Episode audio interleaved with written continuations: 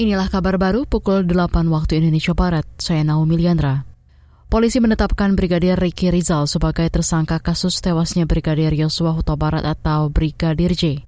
Hal ini dikonfirmasi oleh Direktur Tindak Pidana Umum Baras Krim Polri Andi Rian Jayadi.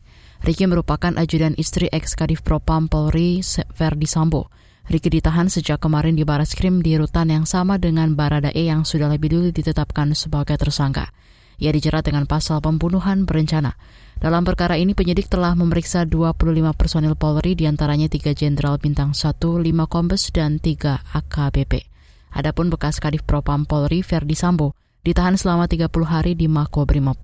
Penyidik menduga Verdi mencoba menghilangkan CCTV sebagai barang bukti.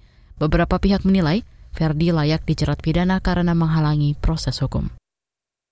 Kontribusi ekonomi kreatif dalam negeri diharapkan terus meningkat terhadap produk domestik bruto PDB nasional. Sektor ini sudah menyumbang 1.300 triliun rupiah atau 7,5 persen dari PDB nasional.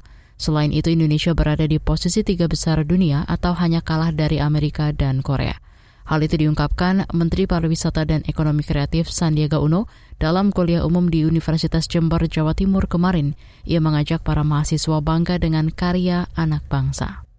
Kurangi sedikit nonton K-pop, banyakin nonton dangdut koplo, banyakin nonton pengabdi setan nomor 2, KKN di desa penari, ngeri-ngeri sedap. Insya Allah kita bisa melampaui Korea dalam ukuran 5 sampai 10 tahun ke depan. Setuju?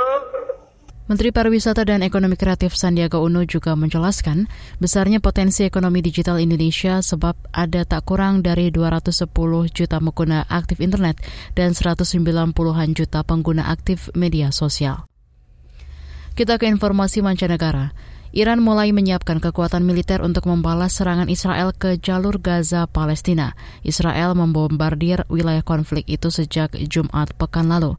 Dikutip dari CNN, Kepala Korps Garda Revolusi Iran Hussein Salami mengatakan, rakyat Palestina tidak akan pernah berjuang sendiri. Salami juga menegaskan Israel bakal membayar mahal atas aksinya yang menewaskan 44 orang termasuk belasan anak-anak. Di antara yang meninggal dunia adalah dua pemimpin senior jihad Islam Palestina. Demikian kabar baru KBR, saya Naomi Liandra undur diri.